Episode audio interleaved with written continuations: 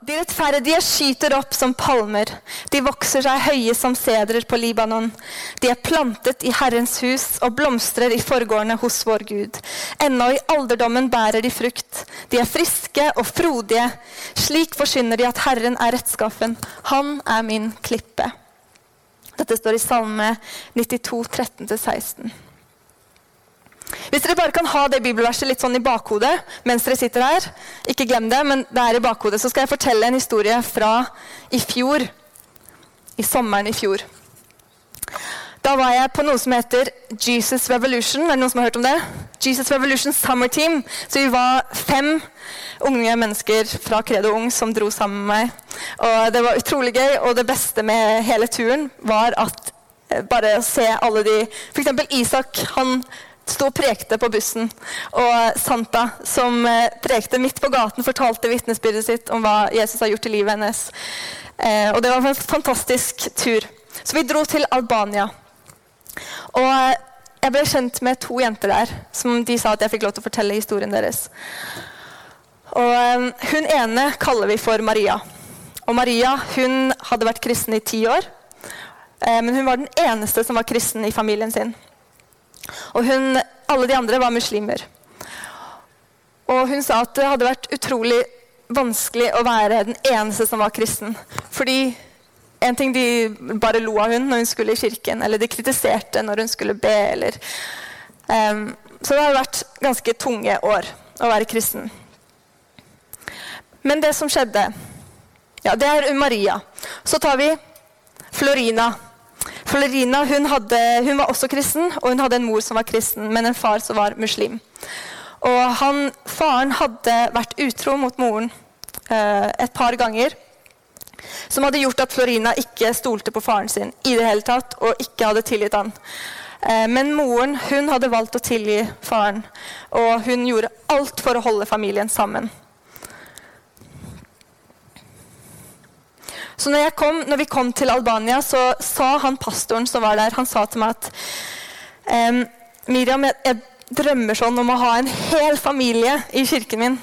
Jeg har liksom bare én far eller én mor eller én datter. Jeg har, jeg har, liksom ikke en hel familie. Og jeg drømmer sånn om at det skal skje.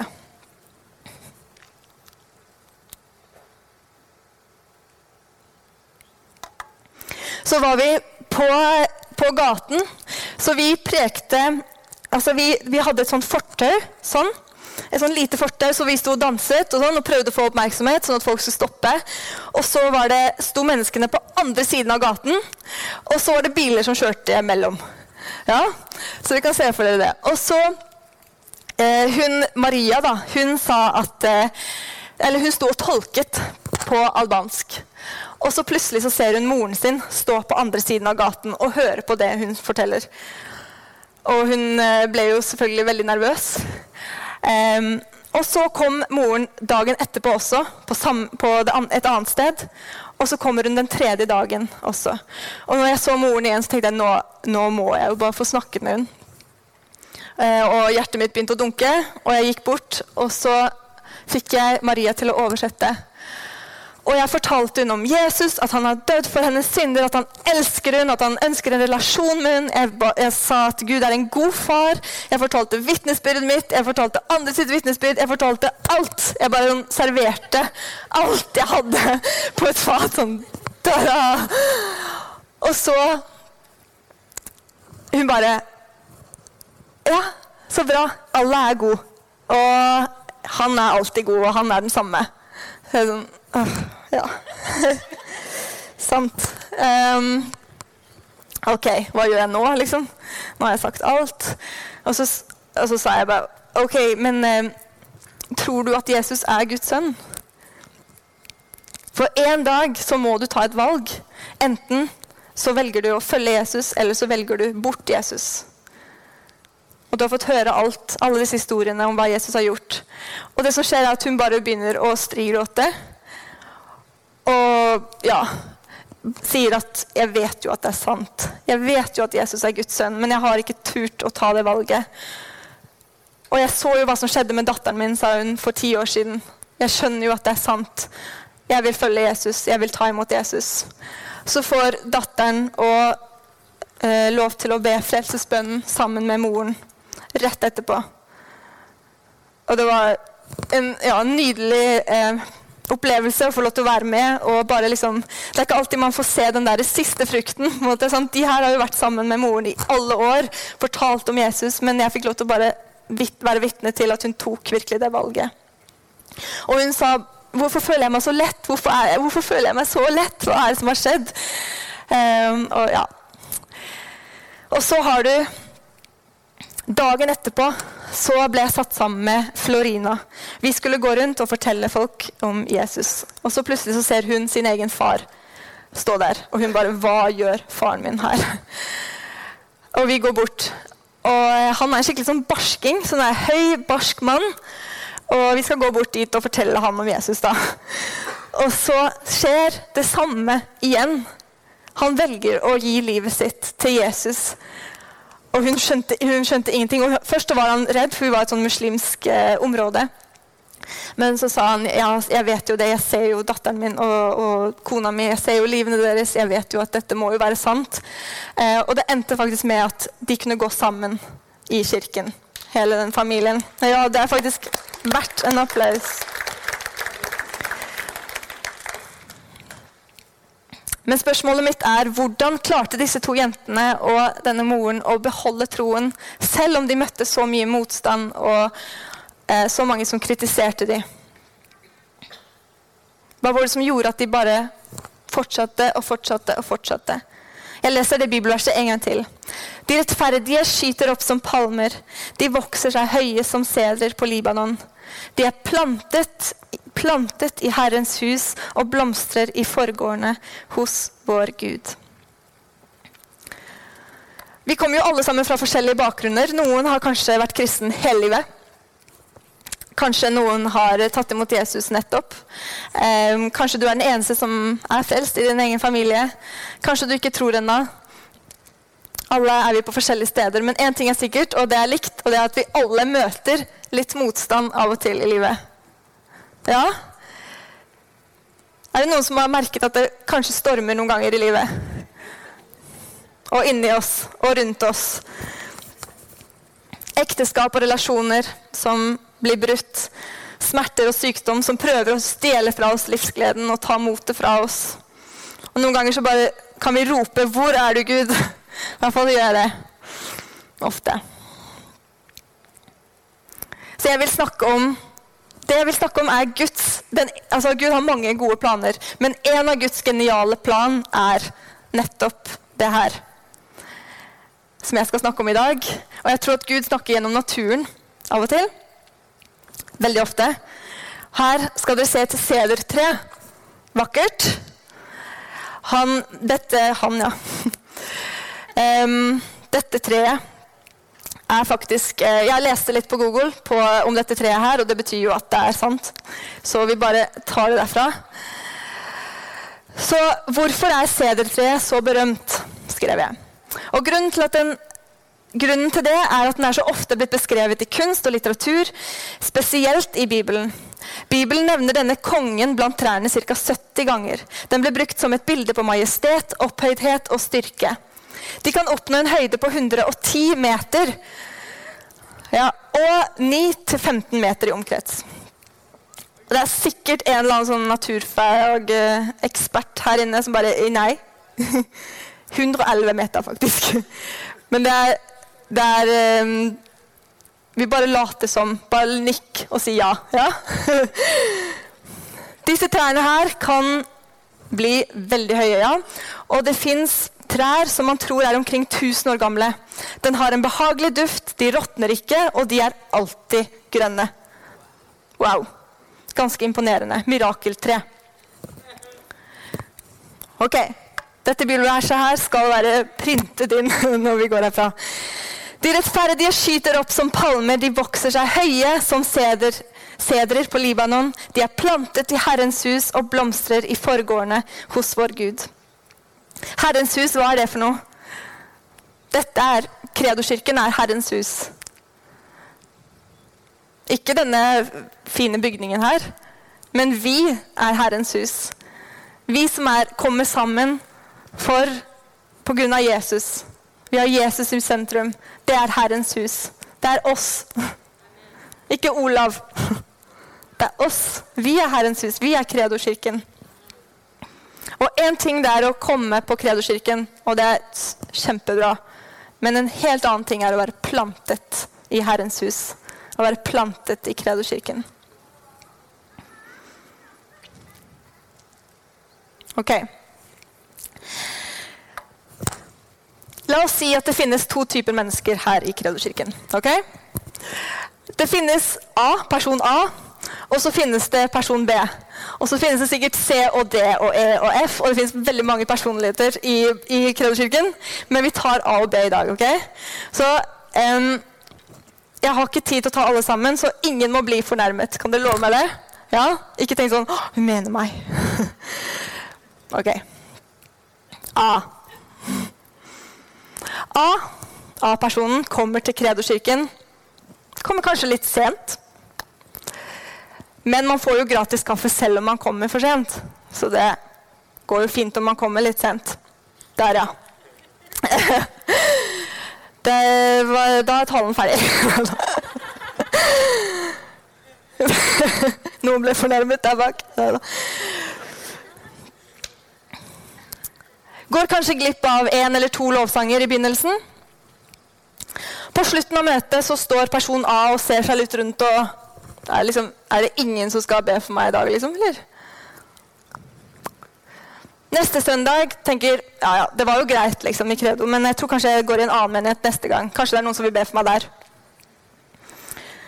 Kommer helst når det er veldig store eventer. Sant? Når det er masse sånn, predikanter, verdenskjente predikanter. Eller når det regner. Hvis det er sol, så er du mye heller kanskje på, på verandaen eller på en tur eller Men jeg dømmer ingen. Jeg skjønner. Det regner veldig ofte.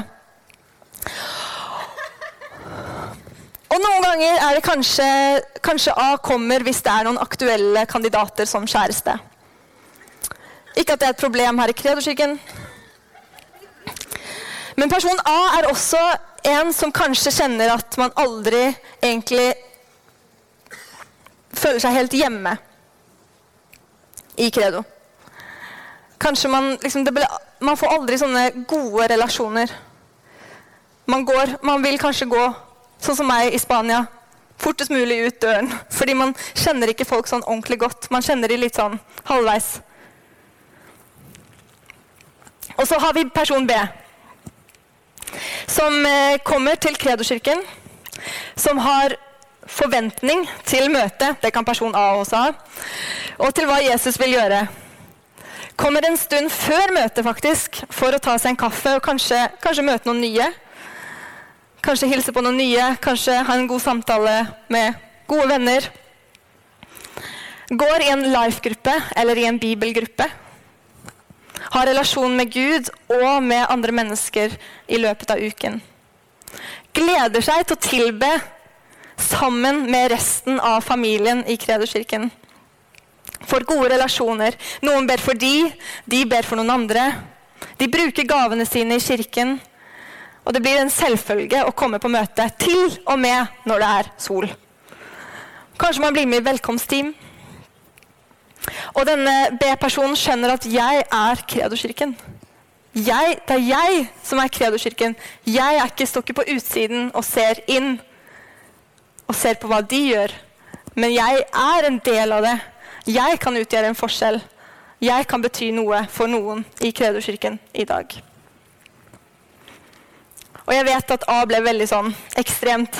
Men samtidig så tror jeg at det er faktisk mange som har det sånn. At man ikke kjenner liksom at det her er mitt hjem. Um, Ja, så Vi kan spørre oss selv hvem, hvem, hvem er jeg? Er jeg A, eller er jeg B? Vi vet Eller C eller D.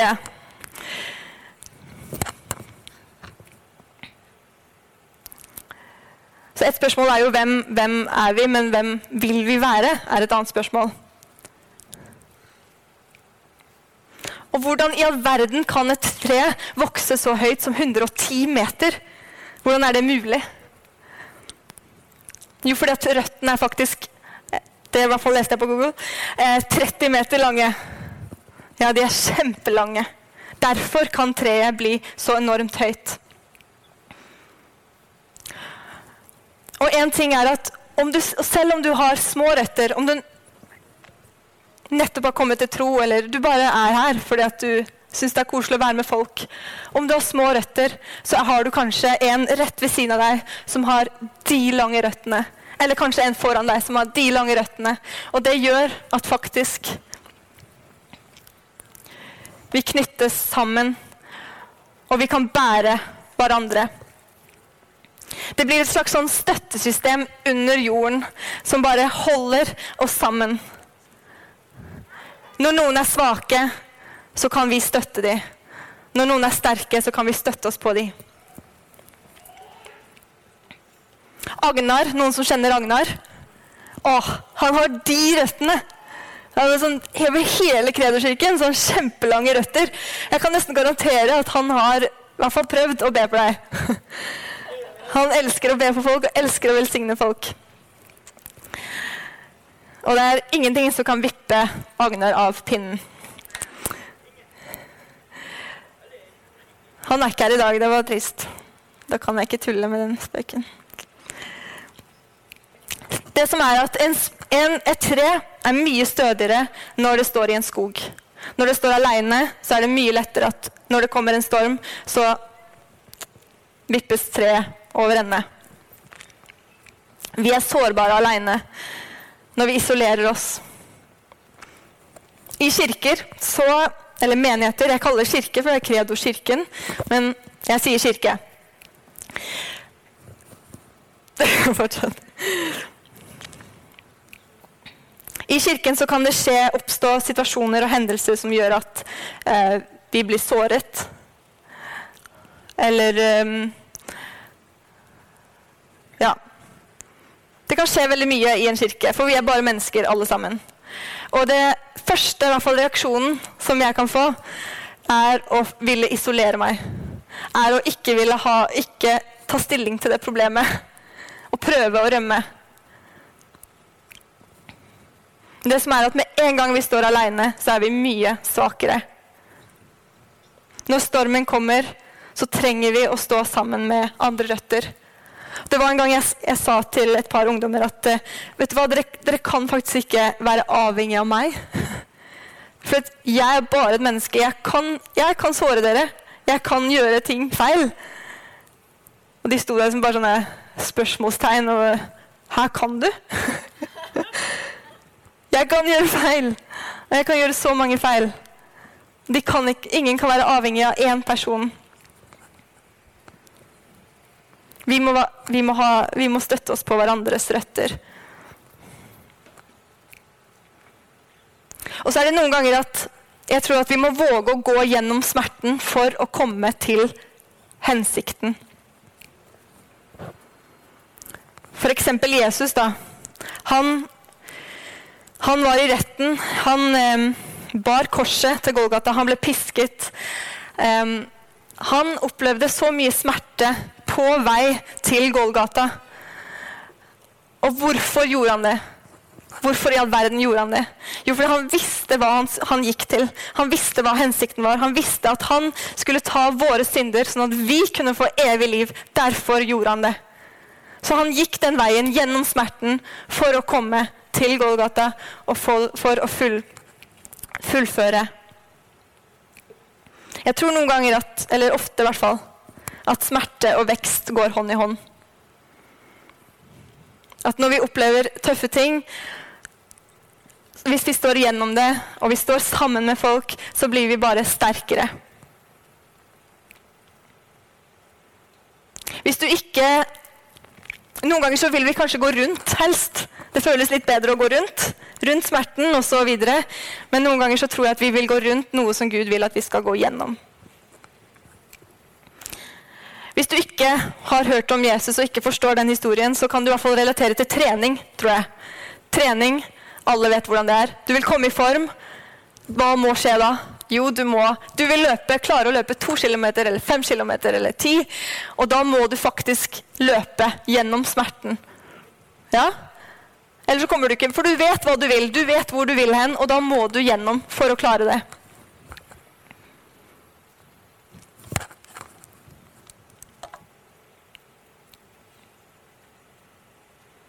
Ok, Vi skal komme til en avslutning. Så et frø, et lite frø, kan bare vokse dersom det er plantet. Et lite frø kan bli til et stort tre dersom, og bære frukt dersom de har de rette forholdene. Og en ting er god jord, hjertene våre. Hvordan er hjertene våre? Hvordan beskytter vi hjertene våre? Det tror jeg eller Tilgivelse er en stor nøkkel. Er hjertet vårt god jord? Lys. La Gud vise oss veien. La Han vise hvor vi skal gå hen. Hva er neste steg? Han lyser opp veien vår. Temperatur. Temperaturen og brannen fra Den hellige ånd. Frøet trenger varme for å vokse. Vi trenger Den hellige ånd for å kunne vokse. Tid. Det tar tid å vokse. Det tar tid for et tre å vokse, det tar tid for et menneske å vokse. Og Vi er en generasjon som vil at alt skal skje sånn. Vi vil plante frøet i dag og ha blomsten i morgen. Det tar tid. Og helt til slutt vann. Jesus han er det levende vannet. Jeg skal lese et bibelvers. Det står i Salme 1, 1-3.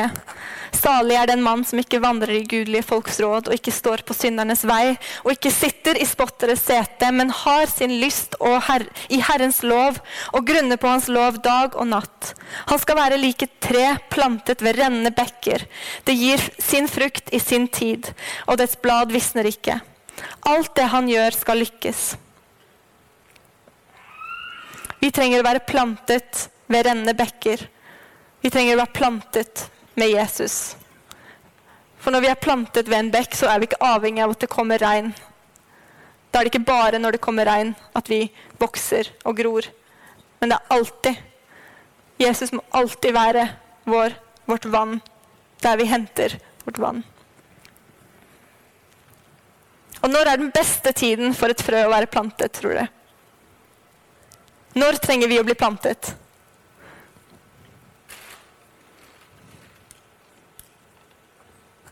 Høsten. Jeg trodde dere skulle alle si sånn nå, men ingen sa det. Ok, Den beste planten, nei, den beste tiden å være plantet er jo egentlig før. Men nå er den nest beste tiden å bli plantet. Hvis du, Kanskje du kjenner selv at jeg, jeg er plantet, Miriam. Det her går fint. Men hvis du kjenner at jeg har venner som jeg kan hjelpe å bli plantet, er det mennesker i Kredo-kirken som vi kan inkludere, virkelig inkludere, som vi ser bare går ut etterpå fordi man føler seg så ukomfortabel. Og jeg tror det er vanskelig å virkelig hjelpe noen uten å være plantet selv. Og virkelig inkludere noen i et fellesskap der man ikke selv er plantet. Og Bak til historien med Maria og Florina. Maria, ti år, hun var den eneste som var kristen.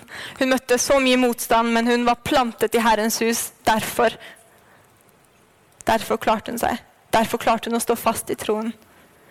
Florina og moren var gift med en som var utro mot hun.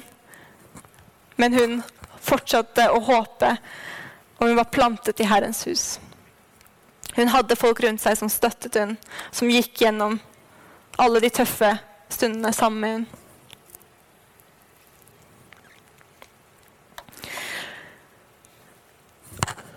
Så jeg tenker at vi kan, vi kan spørre Gud denne uken her Gud, er det, noe, er, det, er det noe jeg trenger å gjøre? Hvordan kan jeg bli plantet enda mer? Har jeg god jord? Jeg, hva, er hjertet mitt mykt? Er det noen jeg trenger å tilgi, eller Jeg vet at når vi spør Gud og søker Gud, så vil han svare oss, og han vil lede oss, og han vil lyse opp veien vår. Det vet jeg. Det har jeg fått erfare så mange ganger. Og Det står i Apostlenes gjerninger 2,21 at men hver den som påkaller Herrens navn, skal bli frelst. Hver den som påkaller Herrens navn, skal bli frelst. Så hvis du er inne og ikke kjenner Jesus, så skal du vite at når du påkaller Herrens navn, så skal du bli frelst. Og vi vil gjerne, hvis du kommer frem etterpå, så kan vi be sammen med deg. Um, Jesus elsker deg. Han ønsker det beste for deg. Siste Siste her nå. Ok, Jeg tror at hvis man ikke er plantet et sted, så tror jeg at det kan påvirke også Jeg holdt på å si våre barn, jeg har ikke barn, men dine barn. Og familiene våre. Jeg tror faktisk at det vil påvirke vennene våre også. Hvis vi er noen som går fra menighet til menighet, bytter, um, så kommer også våre barn til å gjøre det. Så kommer de også aldri til å føle at de liksom virkelig tilhører et sted. Så er det noe som jeg har sånn tro på. Jeg skal lese en historie helt til slutt her. Og da er det, det er en fra Credo Ung som bare forteller om hvordan hun hadde det når hun kom til Credo Ung. Det er dette med Ja, dere skal få høre. Hun sier sånn som dette. Jeg begynte å gå på Credo Ung for ca. to år siden. På den tiden var jeg ikke kristen, og begynte å gå der mest bare for å bli kjent med nye mennesker. Etter å ha gått der i et halvt år og fått mer innblikk i hva det vil være, si å være kristen, og handler om hva Gud vil for meg, ble jeg frelst og begynte å regne meg som kristen. Credo Ung endret hele synet mitt på både livet og Gud. Jeg er takknemlig for alle vennene jeg har fått på disse to årene, men enda mer takknemlig for å bli kjent med Gud. Credo Ung er mitt andre hjem, for det var her jeg lærte om Gud, og han elsker meg og har alltid elsket meg. Jeg begynte å gå i en life-gruppe etter et år. Det var, en, det var, et utrolig godt valg. Jeg føler at jeg har fått snakke mer om troen min og høre andres refleksjoner rundt det. Det har virkelig styrket troen min og gitt meg et bra samhold med både Jesus og de andre i gruppen min. Nå er Jesus for meg en trygghet og en som, kan, en som, kan, lede meg på riktig vei. Han er en jeg kan stole på, og en skulder jeg kan gråte på. Og til høsten så gleder jeg meg til å begynne på en bibelskole. Det er her i Bergen en jente som kom bare for å bli kjent med andre mennesker, andre ungdommer. Som nå skal begynne på en bibelskole. Det syns jeg er fantastisk å høre. Og jeg vet at der nøkkelen er også life-grupper, sånne bibelgrupper. Jeg tror at hvis ikke vi Vi kommer aldri til å klare å ta imot nye mennesker uten at vi har life-grupper. Uten at vi har bibelgrupper. Uten at kanskje Ja. Med en gang vi har en ny gruppe, så det, har vi plass til åtte til, kanskje, som kan bli ekstra godt kjent, ekstra godt knyttet. Og så der inne så får de prøve seg på å be for første gang. De kan stille dumme spørsmål. Eller dumme, det er ingen spørsmål som er dumme. Og jeg tror, at, jeg tror det er faktisk eneste måten vi kan klare å ta imot mennesker når de kommer inn her. Vi kan inkludere dem, vi kan ta dem med og spise middag. Men jeg tror alle trenger et sånt fellesskap som er fast uke etter uke. Jeg har skikkelig tro på life-grupper, og det kunne jeg snakket lenge om. Men da fikk jeg i hvert fall tatt litt om det. Er det noen som skjønner hva jeg snakker om? Ja. Så bra. Håper ikke jeg tråkket på noen tær, for det er virkelig ikke meningen. Jeg ber Ja. Takk, kjære Jesus. Takk, Herre. Takk, Herre, for at du ønsker at vi skal være plantet. Du ønsker at vi skal få gro, få vokse, til å bli Få komme inn i den planen som du har for livene våre, Gud.